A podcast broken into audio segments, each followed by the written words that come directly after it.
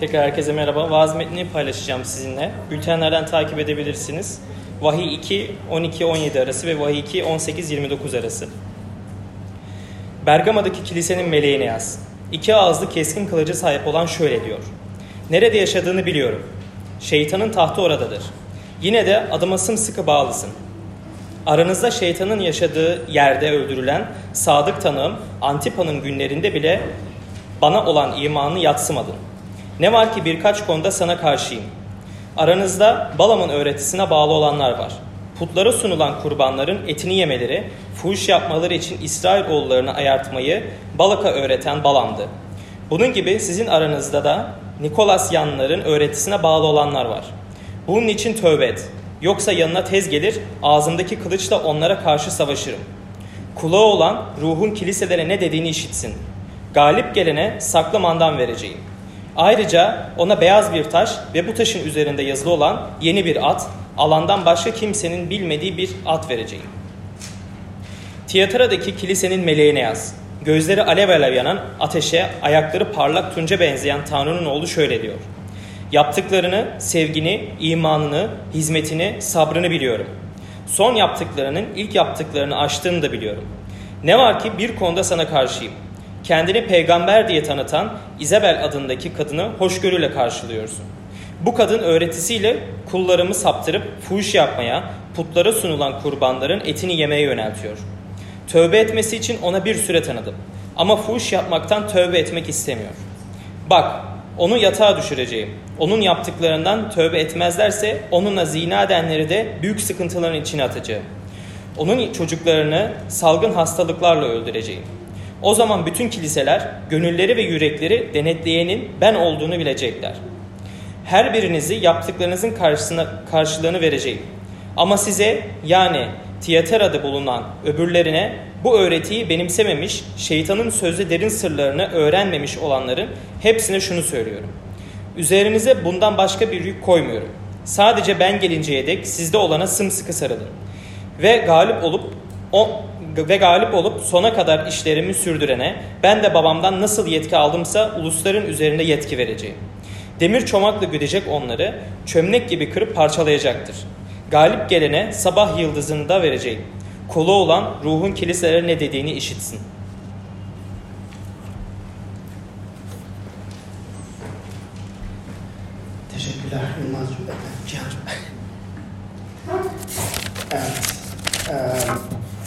Serimize devam ediyoruz.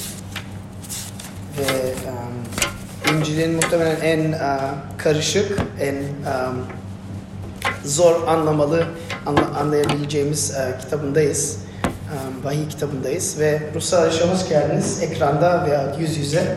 Um, serimiz İsa'nın mektupları ve İsa'nın mektupları çünkü um, bir yandan bu mektupları İsa kendi yazıyor. Yani um, İncil'in birçok yerinde birçok mektup yazan var uh, ve onlar um, kutsal onun sayesinde bu mektupları yazıyor. Ama burada um, İsa tam kendisi uh, Yuhanna'ya gözüküyor ve diyor ki al şunları yaz diyor.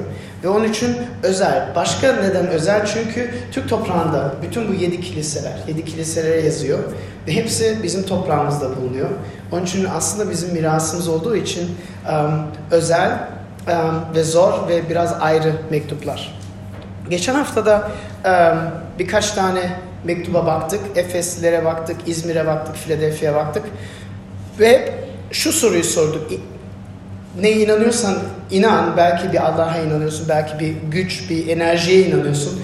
Düşün bu enerji birdenbire bir gün sana bir mektup yazıyor veya birdenbire kapının zilini çalıyor.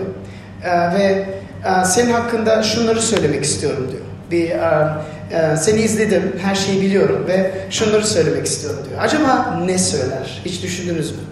E, ve bugün Bergama ve Tiyatira e, kiliselerine geleceğiz. Tiyatira Akhisar'da ve kilise derken bunlar insanlar tabii ki. Yani bir bina değil, bir insan. Ve İsa burada insanlara yazıyor bu mektubu. Ve birbirine benziyor mektuplar. Durumları baskı ve zulüme rağmen bayağı sağlam olan kiliseler. Onlara bakacağız. Ve son haftalarda birçok defa baskıdan bahsettik, acı çekmekten bahsettik, e, sıkıntılardan bahsettik ve belki bugün de bu konulara değdiğimizde aklınıza şöyle bir soru gelecek. Eski yani felsefe kitaplarında teodises sorusu olan, geçmiş olan bir soru. Ya acı varsa o zaman ya Tanrı yok veyahut gücü yetmiyor her şeyi güzel yapmaya veyahut iyi değil. Çünkü iyi olsa ve gücü her şeye yetse ortada acı olmaz. Ortada üzüntü olmaz. Ortada zor zamanlar olmaz.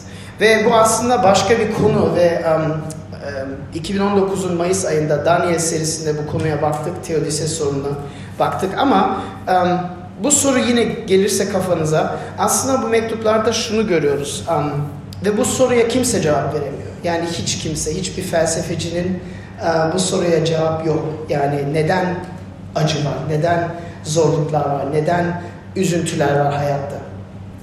Ama uh, şöyle bir şey görüyoruz ve uh, bunu kendi hayatımdan da tanıyorum, bilmiyorum. Belki siz de tanıyorsunuz. Aslında hayatıma baktığımda ve o kadar da ya o kadar da yaşamadım ama zor zamanlarda en olumlu zamanlar oluyor. Yani değişmek zamanı oluyor aslında. Yani kötü alışkanlıklarımızdan kopuk kopup yeni iyi alışkanlara doğru gidebilme zamanları oluyor ve burada gördüğümüz şey um, kiliseler acı çekerek, uh, sınanarak olgunlaşıyor ve um, Allah bu zorlukları iyiye kullanıyor bunların hayatlarında.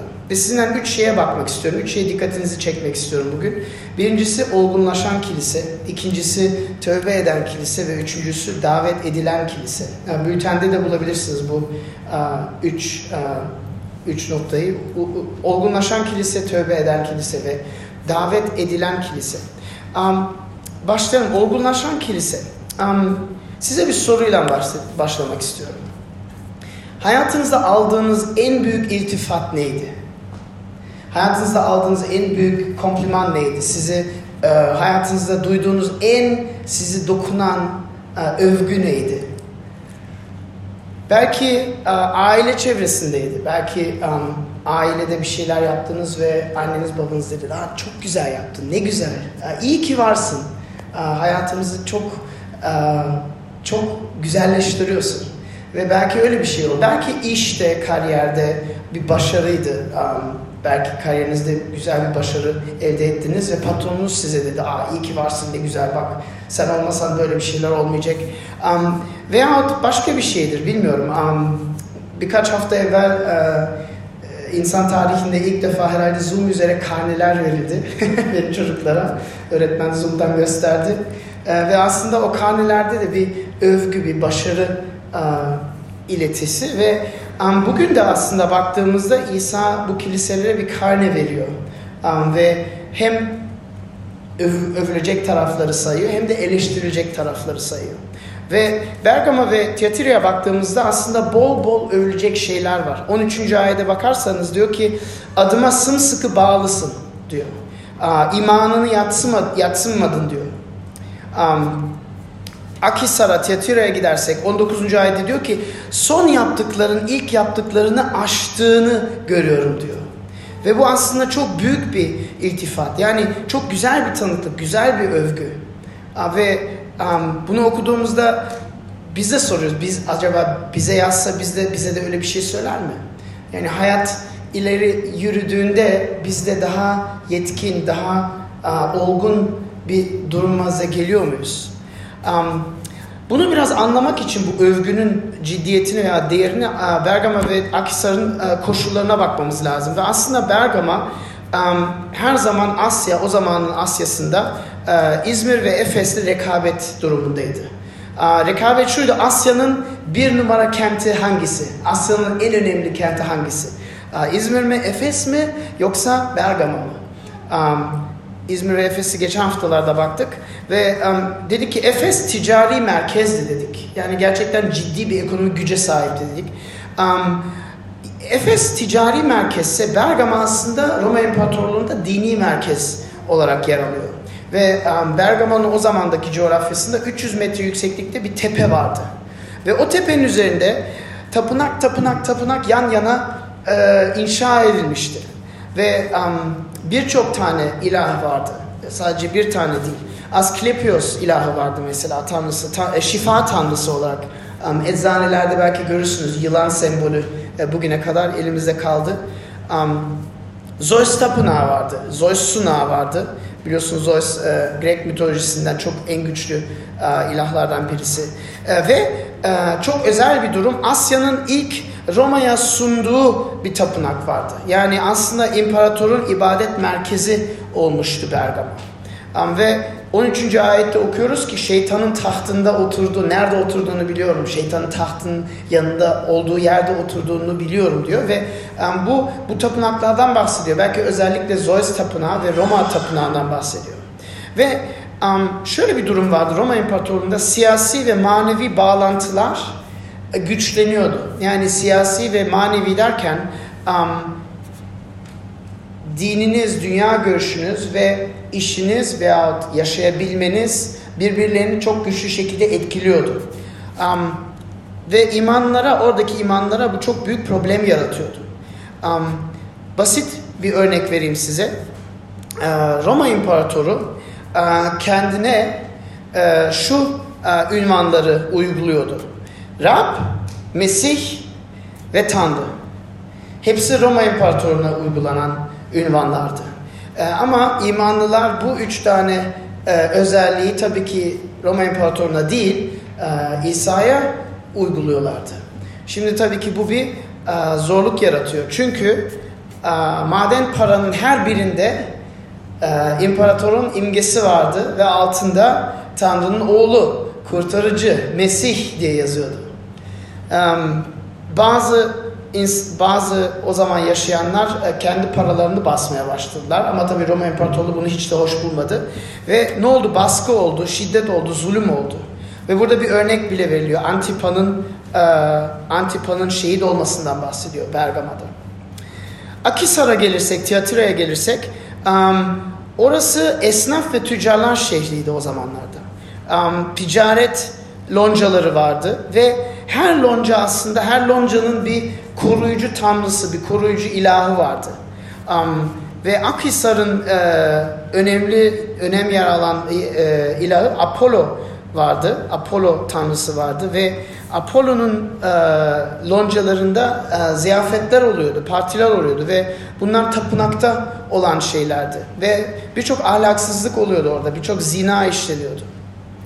Ve yine aynı probleme dönüyoruz. Siyasi ve manevi bağlantılar vardı. Ma imanlara bayağı sıkıntı yaratıyordu. Neden?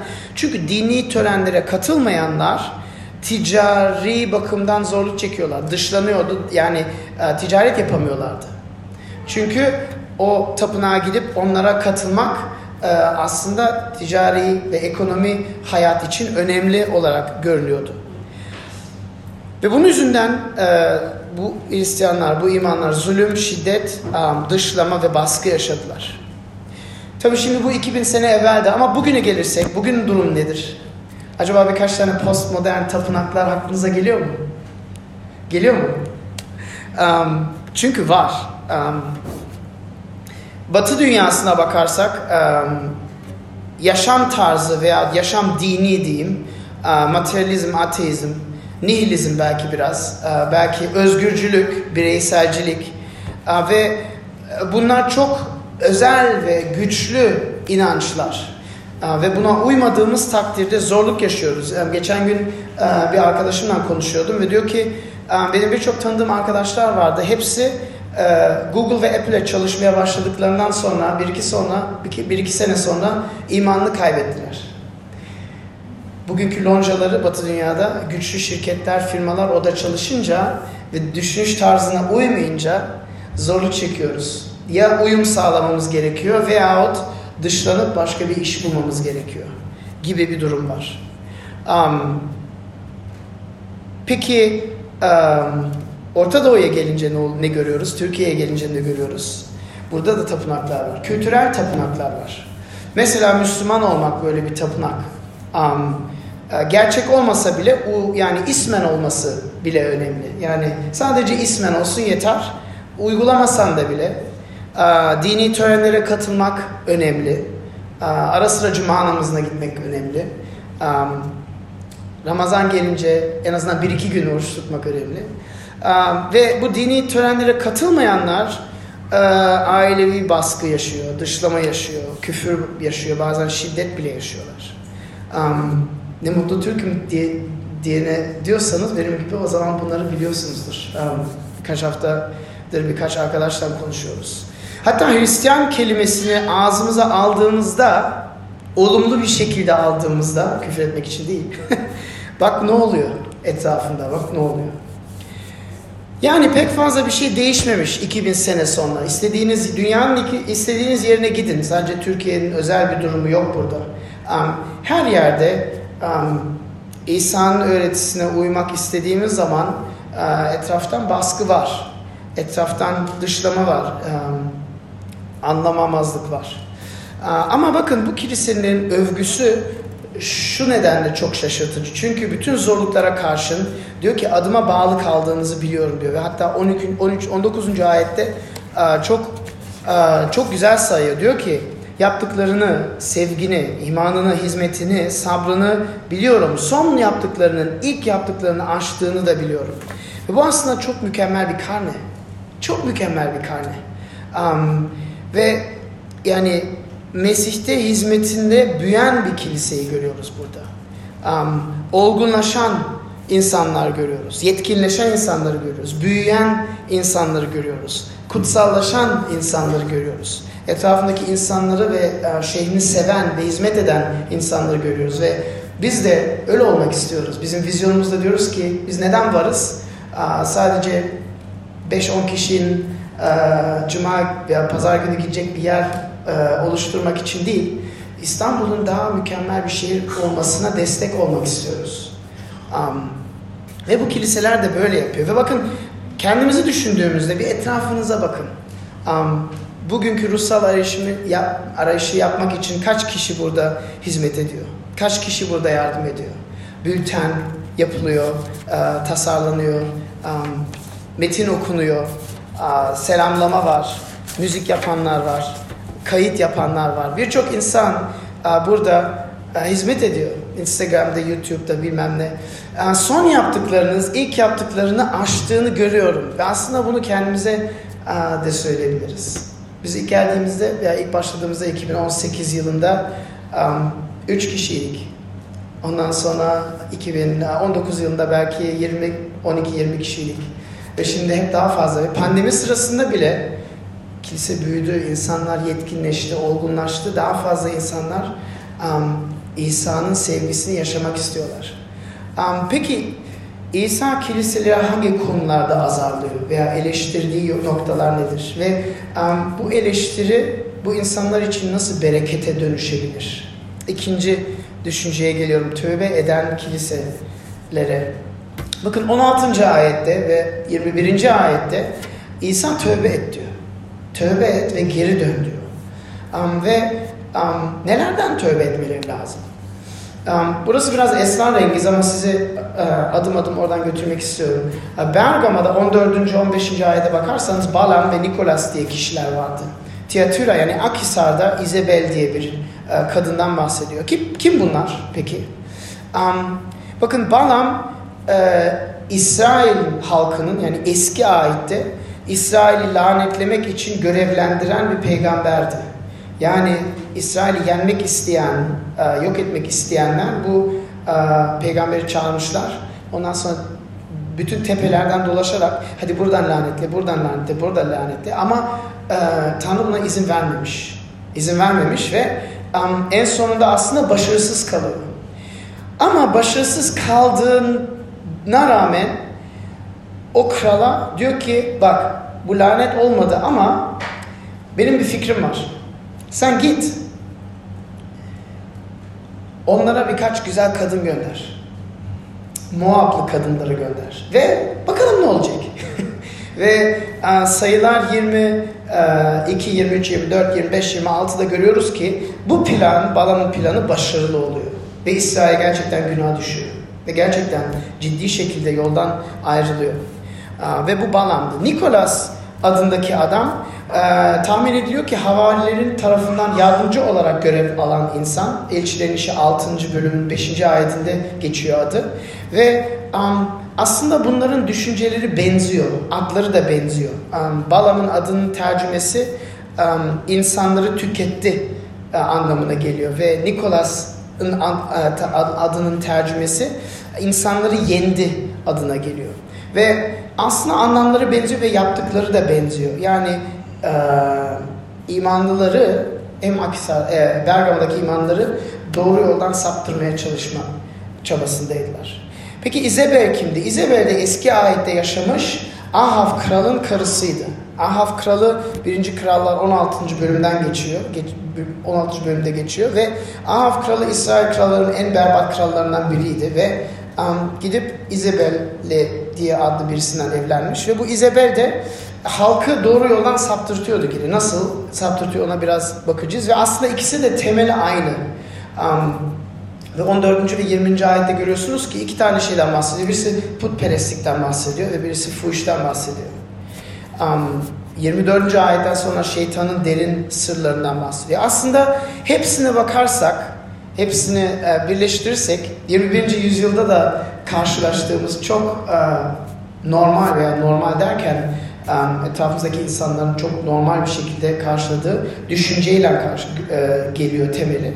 Ve düşünce bu bedensel günahlar içindeki ruhunu etkilemez. Yani istediğin gibi yaşayabilirsin. Um, ahlaka fazla dikkat etmeyebilirsin. Belki bunu gizleyerek yaparsın. Belki ailene söylemezsin ama sonuçta istediğin gibi yaşarsın. Um, ve bu aslında hala bizim için de en büyük tehlikelerden biri. Um, ilişkiler nasıl bozuluyor böyle şeylerden bozuluyor aileler nasıl neden bozuluyor neden bu kadar evlilikler boşanıyor böyle şeylerden dolayı boşanıyor ve um, en büyük tehlikelerden um, birisi ve bu düşünceye karşı şeytanın derin sırları derken bedensel günahlar içsel ruhu etkilemez diyerek fuhuş, sina, bütün bu iş şeyleri yapmak. Sizinle 1. Korintiler 6'yı okumak istiyorum. Orada Paulus şunu yazıyor. Diyor ki bedenlerinizin Mesih'in üyeleri olduğunu bilmiyor musunuz? Mesih'in üyelerini alıp bir fahişenin üyelerini mi yapalım? Asla. Yoksa fahişeyle birleşen onunla tek beden olduğunu bilmiyor musunuz? Çünkü ikisi tek beden olacak deniyor. Rab'le birleşen kişiye onunla tek ruh olur. Fıhıştan kaçının. İnsanın işlediği bütün öbür günahlar bedenin dışındadır ama fuhuş yapan kendi bedenine karşı günah işler. Bedeniniz Tanrı'dan aldığınız ve içinizdeki kutsal ruhun tapınağı olduğunu bilmiyor musunuz? Kendinize ait değilsiniz. Bir bedel karşılığına satın alındınız. Onun için Tanrı'ya bedeninize, Tanrı'yı bedeninizde yüceltin. Birçok şeyden bahsediyor Paulus ama şunu anlıyoruz en azından. Bu bedensel günahlar içimizdeki ruhu etkilemez. Büyük bir yalan.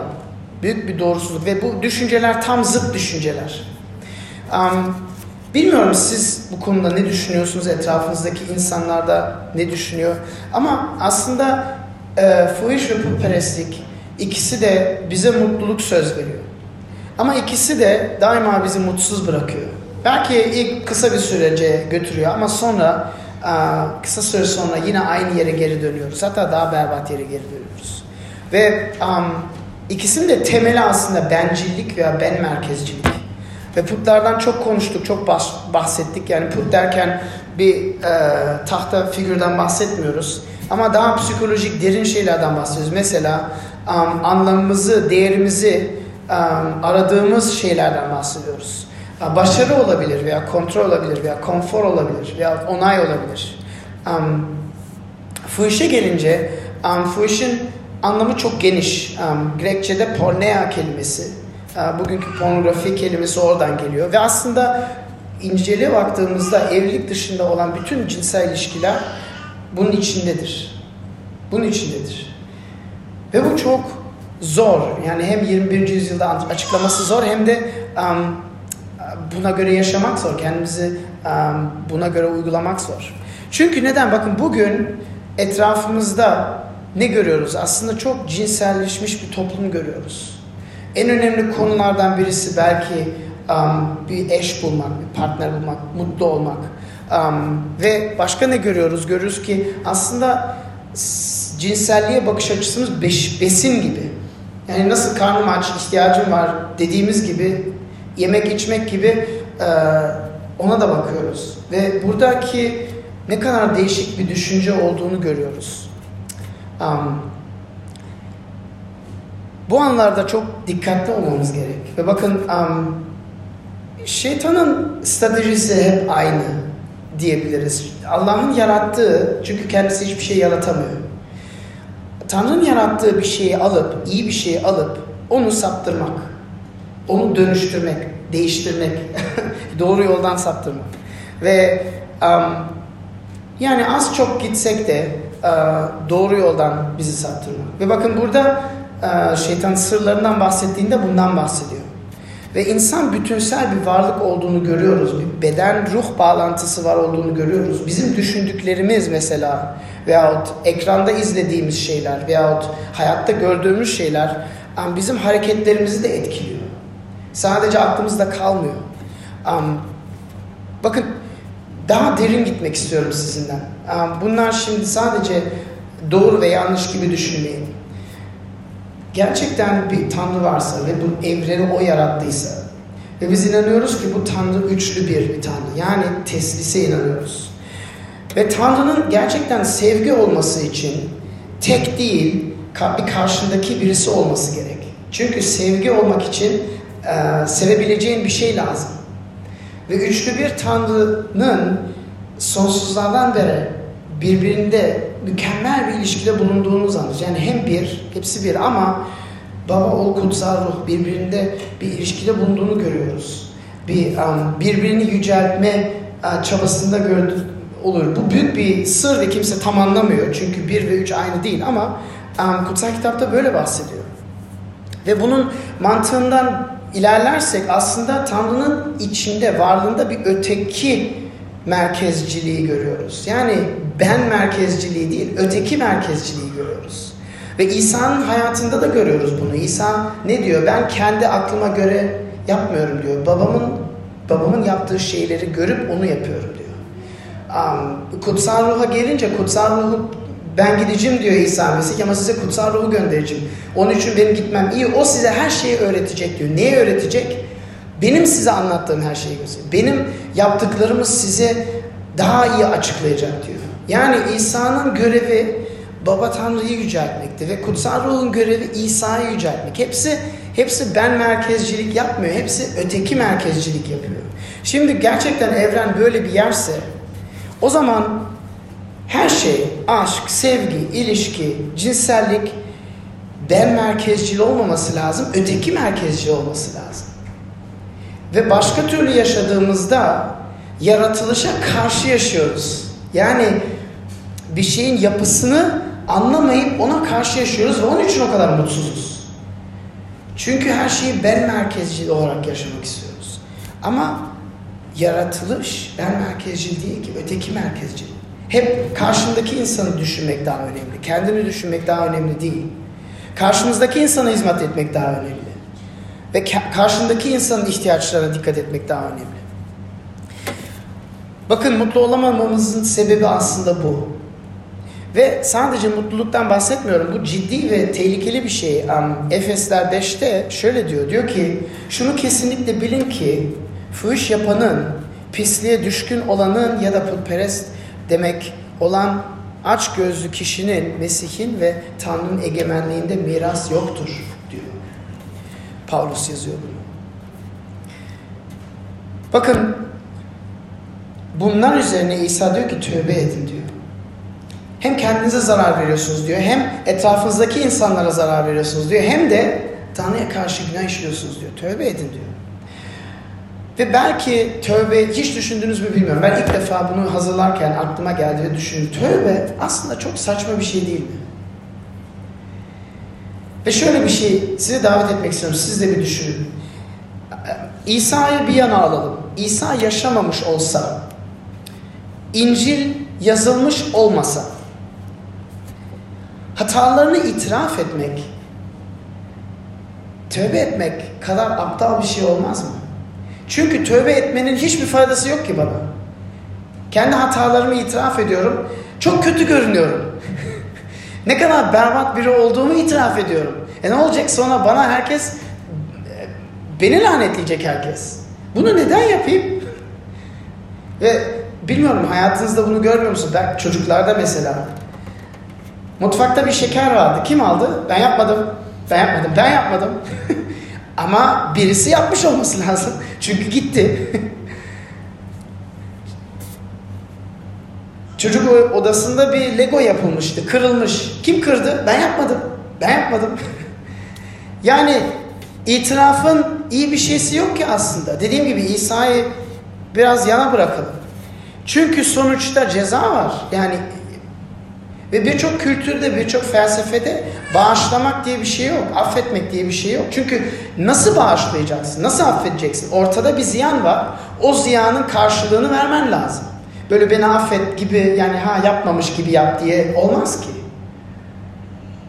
Ben hep şu örneği kullanıyorum. Diyorum ki düşünün sizin bir arabanız var ve arkadaşınıza verdiniz kullanması için. Arabayı duvara çarptı, araba yok, gitti. Mahvoldu. Yeni araba almanız lazım. Beni lütfen affet dese ne yapacaksınız? Ortada ziyan var. Tamam affederim demekle olmuyor ki. Ya sen o arabayı yeni alacaksın, tamiratını ödeyeceksin veya arkadaşından isteyeceksin o parayı. Affetmek çok, e, tövbe etmek çok aptal bir şey. Çünkü aslında kendi eksikliklerimizi itiraf edip kendimizi zor duruma götürüyoruz. Ama bakın sadece İsa'ya baktığımızda, İsa'nın öğretisine baktığımızda tövbenin ne kadar e, pozitif ve olumlu bir şey olduğunu anlayabiliyoruz. Neden? Çünkü hatalarımızın bir çözümü oluyor ilk defada. Günahlarımızın bir çözümü oluyor. Bakın normal dünya görüşlerinde günah işlediğin zaman tamam günah işledin bir daha yapmamaya çalış ve iyi eylemlerinden o kötü eylemlerini dengelemeye bak. Yani ertesi gün daha fazla iyi şeyler yapmaya bak ki o kötü şeylerin dengesi kötü olmasın. Ve ne, ne diyoruz en sonunda hayatımız sonunda e, Allah veya herhangi bir bizim yaptıklarımızı tartıyor. İyi şeylerimizi ve kötü şeylerimizi değil mi? Öyle bir şey düşünüyoruz. Ama peki bu günah şeylerin tartısını nasıl yok edeceğiz? Ve o kadar iyi şeyler yapma, o kadar başarılı mıyız iyi şeyler de yapmaktan? Bakın 1. Yuhanna'da tövbenin neden bereket olduğunu bize Yuhanna yazıyor. Tövbenin bize bir imkan, bir fırsat ve bereket kaynağı olduğunu yazıyor. Diyor ki 1. Yuhanna'da ama o ışıkta olduğu gibi biz de ışıkta yürürsek birbirimizle paylaştığımız olur ve oğlu İsa'nın kanı bizim her günahtan arındırır. Günahlarımız yok dersek kendimizi aldatırız. İçimizde gerçek olmaz. Ama günahlarımızı itiraf edersek güvenilir ve adil olan Tanrı günahlarımızı bağışlayıp bize her kötülükten arındıracaktır. Günah işlemedik dersek onu yalancı duruma düşürmüş oluruz. Onun sözü içimizde olmaz. Bu sözler tövbenin bakış açısını alt üst ediyor.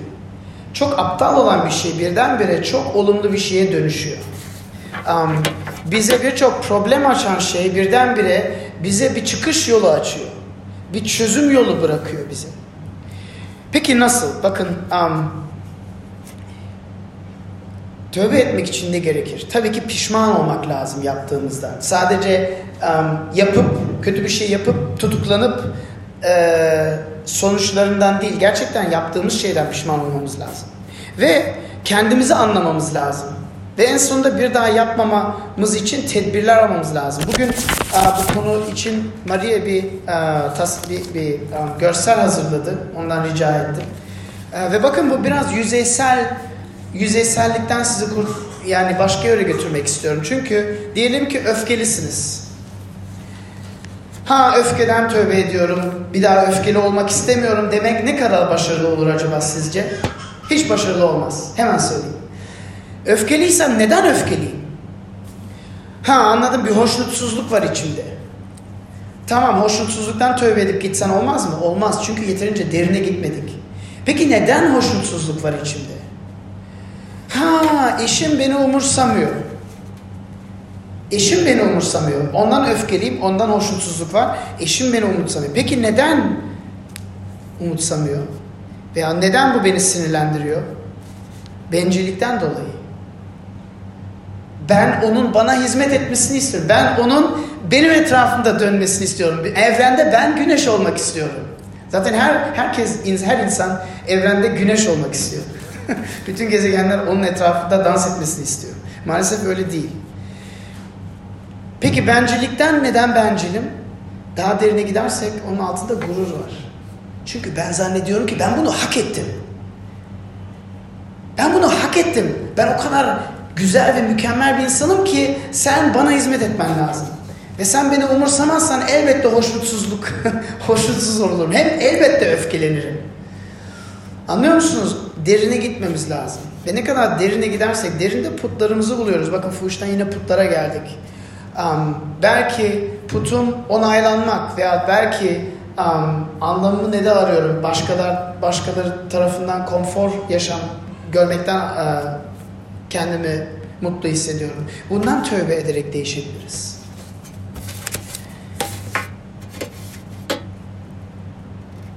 Kendi motivasyonumuzu anladığımız takdirde, gerçekten pişman olduğumuz takdirde ve bir daha bunları yapmama tedbirleri aldığımız takdirde devam edebiliriz.